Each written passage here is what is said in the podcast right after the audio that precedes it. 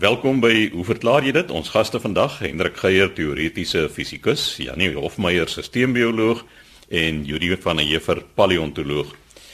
Juri, jy's eerste aan die beurt. Hoe is daar in antieke tye met tyd gewerk?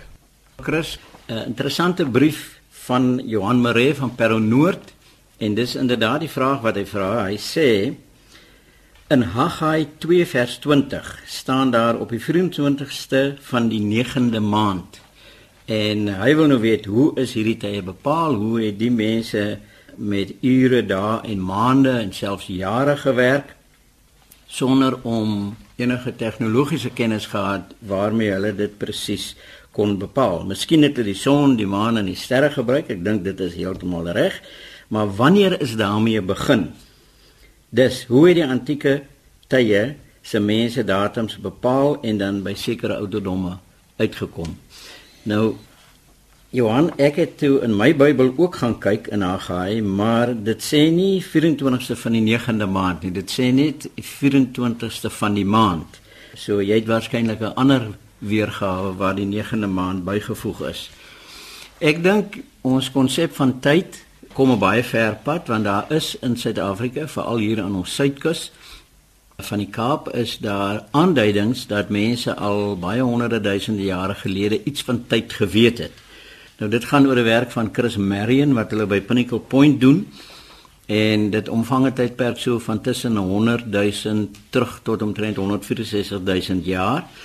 En wat hulle daar gevind het en ek dink ons het al van tevore hieroor gepraat is dat daar mense gebly het anatomies moderne mense met ander woorde soos ons gelyk maar hulle het nie die tegnologie gehad nie en hulle het wel 'n primitiewe tegnologie gehad. Hulle het poeiervorme gemaak van oker waarmee hulle 'n soort kuns beoefen het. Waarskynlik liggame geverf. Hulle het klipwerktuie gemaak van uh, silkreet wat nog hulle 'n tegnologiese wonder gewees het omdat jy hittebehandeling en die goed moet toepas. Hulle het skulpvits geëet aan die see wat eintlik sommige waarvan jy eintlik net kon versamel het as dit by die laagste laagwater gewees het tydens volmaan. Dus word daar by hulle gesien dat hulle al 'n konsep gehad het van tyd en dis natuurlik 'n gegewe dat 'n mens die son en die maan, die dag en die nag dink ek aanvaar jy natuurlikerwys as 'n sikliese verloop van tyd. Marion dink byvoorbeeld dat hulle omdat hulle nie altyd aan die kus gewoon het nie, die volmaan kon gekorreleer het met die stand van die see en uh, dat hulle dan op daai tye by die see aangekom het om hulle skulpvis te versamel. So dis duidelik dat daar meer as 100 000 jaar gelede al van ons voorsate 'n idee gehad het van hoe tyd min of meer werk op 'n baie grower skaal. As mens dink aan die jagtergarders wat veel later gekom het, hulle was onderhewig aan die seisoene gewees en uh die wild wat hulle gejag het is onderhewig aan die seisoene, so hulle moes bewus gewees het daarvan dat daar op gegee tye van die jaar is daar gegee prooi beskikbaar. En hulle was ook planteters geweest en ek dink daar is bepaal dat van daai groepe al so iets soos in die loop van 'n jaar omtrent meer as 100 verskillende plante, bessies en vrugte benut het. En dis natuurlik ook seisoonaal sodat as jy seker goed wil hê moet jy op 'n sekere tyd van die jaar daar wees en teen omtrent 10000 jaar gelede het die eerste boere begin om in die vrugbare driehoek daar in die Midde-Ooste te oes, grassade te oes en uiteindelik te plant. En as jy dan wil plant en oes, dan moet jy 'n begrip hê van tyd, watter tyd is die beste? En die maan is gewoonlik dan iets wat gebruik word. Ek dink van die inheemse rasse gebruik nou nog die maan, die stand van die maan om te plant. Ek dink daar is 'n term soos wanneer die maan sekelmaan so geleë is dat hy uitgooi, dan is dit tyd om te plant. Ek sien jy knik jou kop, Chris. Is dit min of meer so?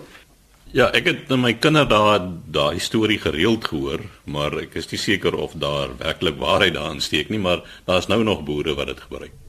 Ja, daar was nou onlangs iemand op die radio wat die supermaan, sogenaamde supermaan gebruik het nou om weer te voorspel en reën en dis soort van goed. Dus dink ek jy dan natuurlikerwys 'n begrip van lang periodes wat wissel kan ontstaan. Ons weet ook by die Stonehenge bouval op Salisbury Plain in Engeland wat omtrent 5000 jaar oud is, dink ek, is min of meer gelyktydig met die piramides. Waarvoor dit ook al gebruik is, werk dit sodat op sekere tye van die jaar is die son in 'n posisie dat hy deur van hierdie tempelagtige struktuur skyn en dan het mense dit waarskynlik dan so gebou. As ons praat van die Egiptenare, hulle het 'n besef van tyd gehad want hulle het elke jaar gewag vir die vloed van die Nyl wat moet afkom. Hulle het geplant en geploeg in daai modder, so die siklisiteit en die herhalende idee van tyd dink ek is min of meer natuurlikerwys gevestig. Ons dink natuurlik heeltemal anders aan tyd vandag. Ons meet dit presies, jy moenie tyd mors nie. Ons kan dit op digitale maniere al doen want tyd is geld. Ons het spertye vir 'n uh, eh, verskeidenheid van goed en uh, interessante storie is die van Douglas Adams, die bekende Britse skrywer van hierdie ruimtelike verhale wat altyd gesê het hy het altyd spertye gemis en hy het gesê hy skrik nie eintlik vir 'n spertyd nie. Hy hou van die suisgeluid wat die spertyd maak as dit by hom verbygaan. So hy het hom doodgewoon nie daaraan gesteer nie.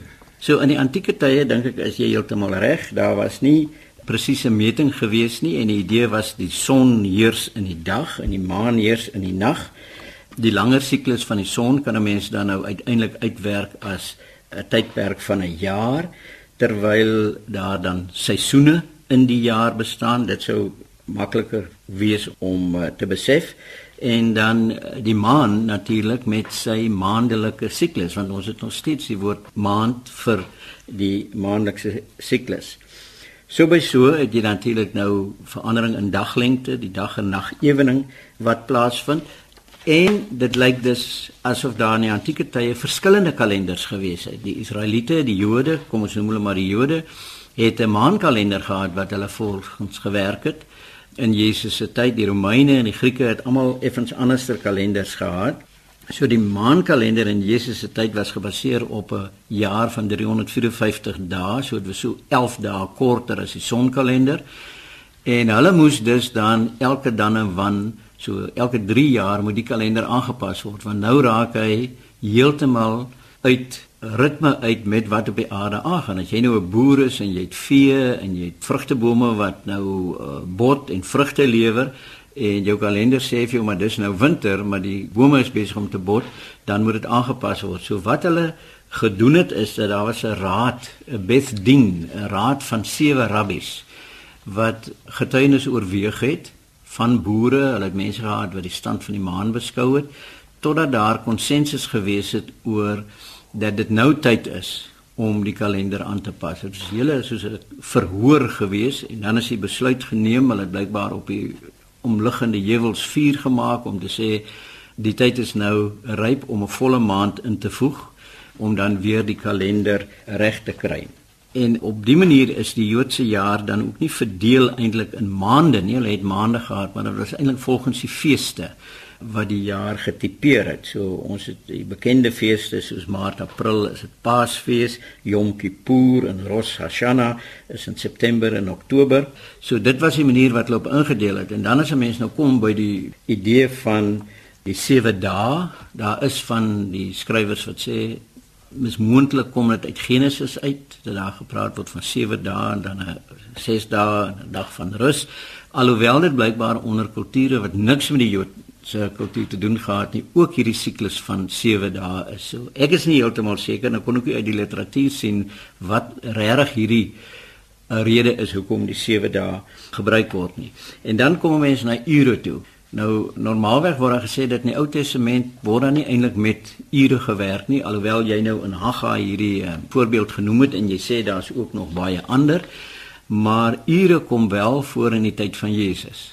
En 'n mens kan verstaan dat as jy nou 'n dag wat deur sonlig bepaal word en jy sit daar en jy hou dit dop en dan kan jy sien hoe die skaduwee teen die muur trek en jy kan sien dat daar 'n voormiddag is en 'n namiddag is dit waarskynlik uh, natuurlik om dan die voor en die namiddag ook te probeer verdeel sodat as jy 'n afspraak het vroeg of laat.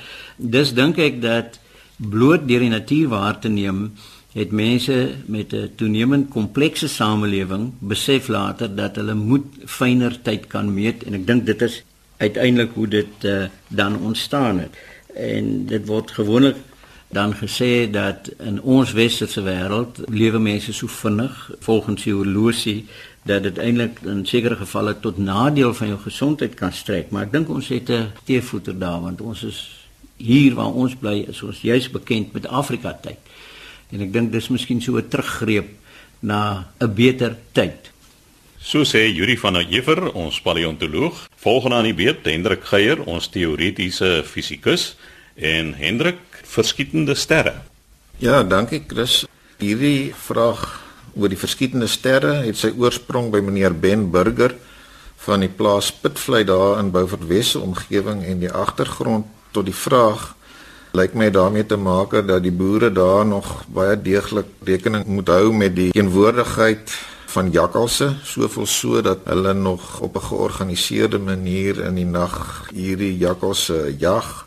En dit lyk my dis dan wanneer uh, meneer Burger kans het om 'n bietjie na die naghemel te kyk. En dan kom ons nou by die vraag wat daarmee te maak het dat hy sê hy het waargeneem dat verskietende sterre uit alle rigtings sigbaar word wat vir hom 'n bietjie teenintuïtief blyk te wees want hy het gedink of gewonder of die feit dat die aarde draai duidelik in een rigting of dit nie sou meebring dat 'n mens net uit een rigting sulke verskietende sterre sou waarneem nie of ten minste uh, hoofsaaklik uit een rigting nie.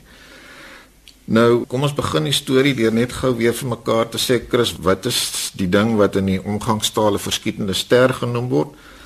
Dis die sigbare pad van 'n meteoor deur die atmosfeer wat teen so 'n hoë spoed trek en kom nou in meer besonderhede terug daarna dat die lugmolekules in die pad as gevolg van die botsing met hierdie meteoor ionisasie ondergaan en daarmee gepaard gaan dan uiteindelik die feit dat daar lig afgegee word. So wat 'n mens dan sien is hierdie bekende ligstreep soos wat die meteoor deur die atmosfeer beweeg nou miskien goed om uit te wys dat die mense wat nou nader studie maak van hierdie fenomeen dit gerieflik vind om te onderskei tussen 'n meteoor en 'n meteoriet. Nou ons praat gewoonlik van of ons vereenselwig gewoonlik verskietende sterre met meteoriete, maar streng gesproke is die volgorde hier is dieselfde voorwerp 'n stukkie rots in die buitenste ruim wat uiteindelik op die aarde beland, partykeer nie op die aarde beland nie.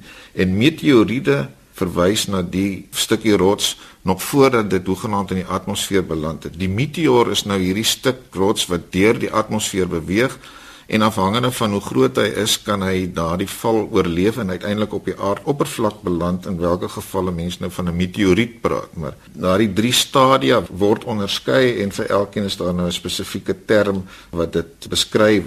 Nou terug by die spoed om 'n gevoel te kry vir watter spoed so 'n meteoor deur die atmosfeer het, kan ons onthou dat op die afstand wat die aarde van die son is, kan 'n mens praat soos jy ook van voorwerpe wat die aarde probeer verlaat, soos 'n vuurpyl van die sogenaamde ontsnapspoed. Dit beteken eenvoudig die spoed wat groot genoeg is sodat 'n voorwerp finaal weg sal beweeg onder die aantrekkingskrag van in die geval van die aarde as 'n mens nou na 'n vuurpyl verwys, moet 'n vuurpyl teen 'n spoed groter as 'n sekere minimum gelanseer word anders gaan hy eenvoudig terugval op die aarde. Soortgelyk is daar ontsnapspoed op die afstand wat die aarde van die son af is vir enige voorwerp om onder die invloed van die son se swaartekrag te ontsnap.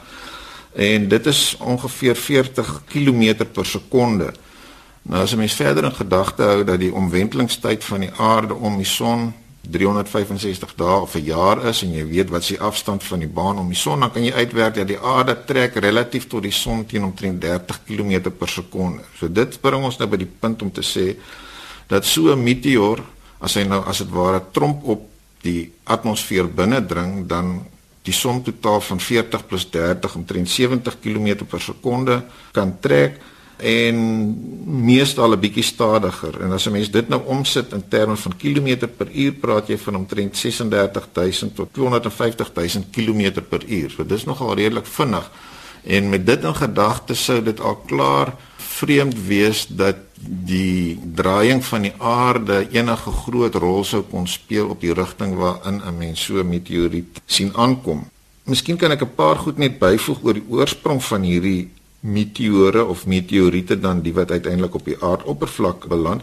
Dit is in sommige gevalle so dat die rigting waaruit die goed sigbaar word hoofsaaklik uit dieselfde rigting is. Dan praat 'n mens tipies van 'n meteoreën of meer dikwels in die omgangstaal word hierdie goed meteorietreën genoem.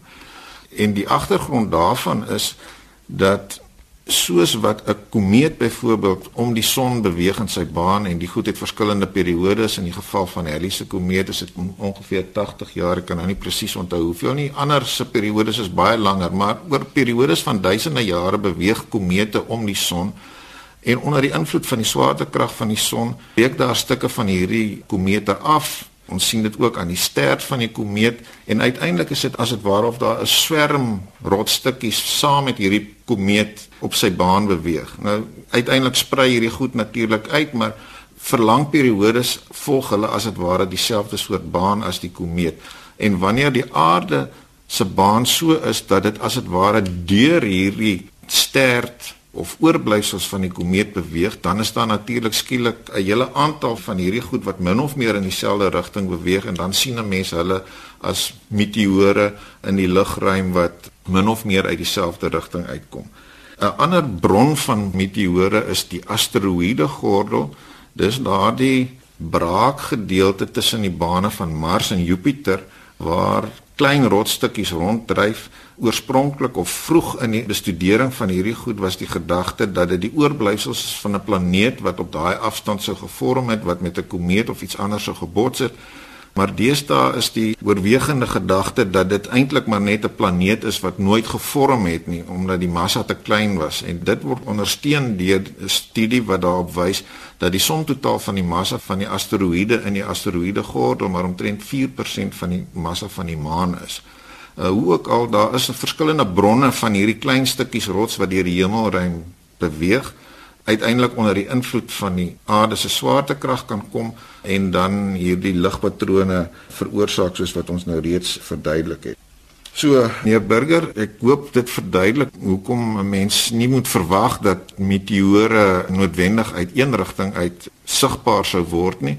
Daar is terloops webwerwe wat inligting bevat oor wanneer sulke meteorreëne of meteorietreëne dan sigbaar sou word so mense wat belangstel om hierdie goed sistematies te volg kan maar 'n bietjie op die internet gaan soek. Daar is genoeg entoesiaste wat hierdie inligting byhou en wat dan vir mense aanduidings sal gee wanneer dit gunstig sou wees om die goed waar te neem.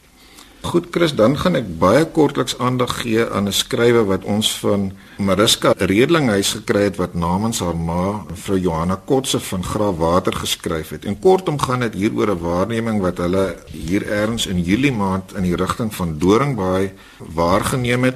In my boek is die waarneming dit wat 'n mens tipies as 'n vreemde vleiende voorwerp sou beskryf in Engels uh, UFO of unidentified flying object Mevrou Kotse sluit haar skrywe af deur ons daarop te wys dat al die mense wat hierdie waarneming gedoen het en ek sal nou iets daaroor sê, soos sy sê is almal nugter praktiese mense, so dit herinner ons daaraan dat hulle dink hulle het regtig gesien wat hulle gesien het. En wat hulle gesien het was 'n voorwerp wat sy soos 'n eiervormige ding beskryf wat 'n plat onderkant gehad het waar daar lig mee geassosieer was aan die een kant skryf sy dat dit besig was om vinnig te beweeg, aan die ander kant praat sy daarvan dat hulle tot omtrent middernag nog hierdie ding waargeneem het. So ek sien heeltemal seker hoe hierdie twee goed bymekaar uitkom nie. So mevrou Kotse, ek het nie die vaagste benul wat dit is wat jy gele gesien het nie. Wat ek wel kan sê is daar was projekte gewees soos in die geskiedenis van die Amerikaanse lugmag, die sogenaamde Blou Boek projek wat etlike jare tot 1970 geduur het Hulle het tot die slotsom gekom dat meer as 40% van al hierdie waarnemings het met astronomiese verskynsels te maak en uiteindelik het daar net omtrent 6% van hierdie goed na lang amptelike ondersoeke oorgebly wat nie 'n verklaring gehad het nie. So ongelukkig tensy 'n mens meer inligting het, byvoorbeeld fotografiese inligting, is daar net geen manier waarop 'n mens kan bespiegel oor presies wat jy gesien het nie, maar dat dit nie 'n natuurlike verklaring sou hê nie, is hoogs onwaarskynlik. So sê Hendrik Geier, ons teoretiese fisikus, laaste aan die beurt vandag, Janie Hofmeyer, sisteembioloog. Janie, waar kom die papain in papajas voor? Ja, dankie Chris. Dis 'n vraag wat kom van mevrou Laura de Jong in Hercules in Pretoria. Sy sê kom papain in die swart pitte of die vleisgedeelte van papayas of papinus voor. Nou die vraag is natuurlik wat is papain? So vir luisteraars wat nie weet nie, dis 'n proteïen wat ander proteïene ensimaties afbreek. In ander woorde, dis 'n ensiem, ons noem so 'n verbinding 'n ensiem, hier in die geval 'n proteolitiese ensiem of ook 'n proteonase. En mens kry geweldig verskeidenheid, groot verskeidenheid van hierdie soort van proteolitiese ensieme. Papain is deel van 'n familie van soortgelyke ensieme wat eintlik wyd versprei voorkom. Sekere virusse het dit in, baie bakterieë, giste, feitelik alle protozoa, diere, plante. Oral waar proteïene as 'n bron van voedsel gebruik word, 'n bron van aminosure en uh, ensieme nodig is om die proteïene af te breek na die komponente toe. So maar papain self, die kom voor in papayas, soos mevrou de Jong sê, Carica papaya, as die naam en dan of bergpapayas met 'n redelike moeilike naam Vasconcellia cundinamarchensis is die uh, latynse naam vir bergpapayas. Kom uit Suid-Amerika uit en vir baie baie lank, duisende jare eintlik, word uh, die papain gebruik in Suid-Amerika om taai vleis sag te maak. In ander woorde, dit is 'n vleissagmaakmiddel en ons kan deesdae oor die hele wêreld vleissagmaakmiddels koop wat papain as 'n aktiewe bestanddeel bevat. Ook luisteraars wat kontaklense dra, die weet seker dat baie van die skoonmaakvloeistowwe vir kontaklense papain bevat om van die proteïene wat op die lens neerslaan ontslae te raak. Maar om by mevrou De Jong se vraag te kom, waar kom die papain nou eintlik in die papayas voor? Kom oral voor in die papaya, kom voor in die wortels, kom voor in die blare en in die vrugte. En die hoogste konsentrasie, mees aktiewe vorm van papain kom voor in groen papaya vrugte, beide in die vleis en in die pitte. So dis nie of die een of die ander nie. So groen papaya vrugte word gebruik as 'n bron van papain en daar kom 'n so 'n melkerige vloeistof voor wat latex genoem word, in Engels latex. En dan dit word as 'n bron van papain gebruik. Die manier wat dit gedoen word is soos wat 'n mens met rubberbome maak. Mens maak in die geval van die rubberbome snit in die boomstam en dan sit mense 'n bakkie onder en dan loop die rubber latex loop uit en vang mens so in 'n bakkie op. Dieselfde doen mens met die papaya vrugte. Maak 'n snit aan die bokant van die groen vrug en dan vang mens die latex wat uitdrup op en laat dit dan droog en dit is dan die rou bron van papain. Papain word gesuiwer uit hierdie ru gedroogde materiaal. Nou mevrou Jong, ek is nie heeltemal seker hoekom u hierdie vraag gevra het nie.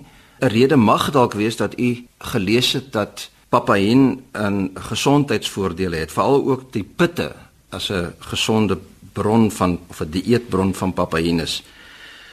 Ek het so 'n bietjie gaan oplees oor want sodra ek sulke goed hoor dan raak ek so 'n bietjie onmiddellik skepties, is dit nou werklik so? Want daar is so baie wolla stories wat een ek dink die vorige programme het ek die aangespreek die idee van alkalise en suur dieet of kosse.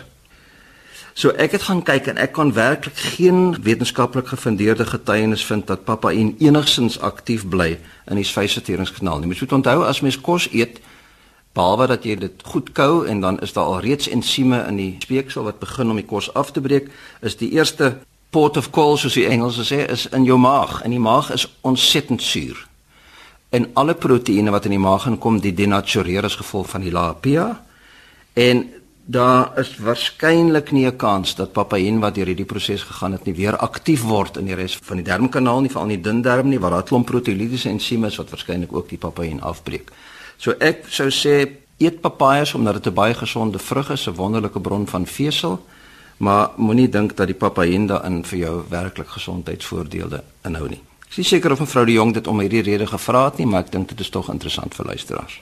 Jannie, net kortliks, ek het lank gelede gehoor dat mense glo dat 'n wond wat nie behoorlik wil genees nie, dat papaya skille daarop geplaas word.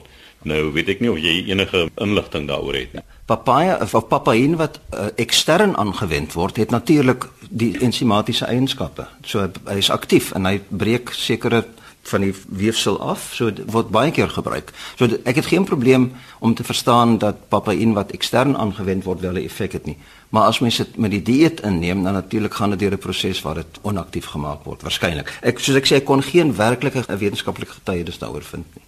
So sê Janie Hofmeyer, ons sisteembioloog, die tyd het ons ingehaal. Skryf gerus aan, hoe verklaar jy dit? Posbus 2551 Kaapstad 8000 of stuur 'n e-pos aan chris@rsg.co.za.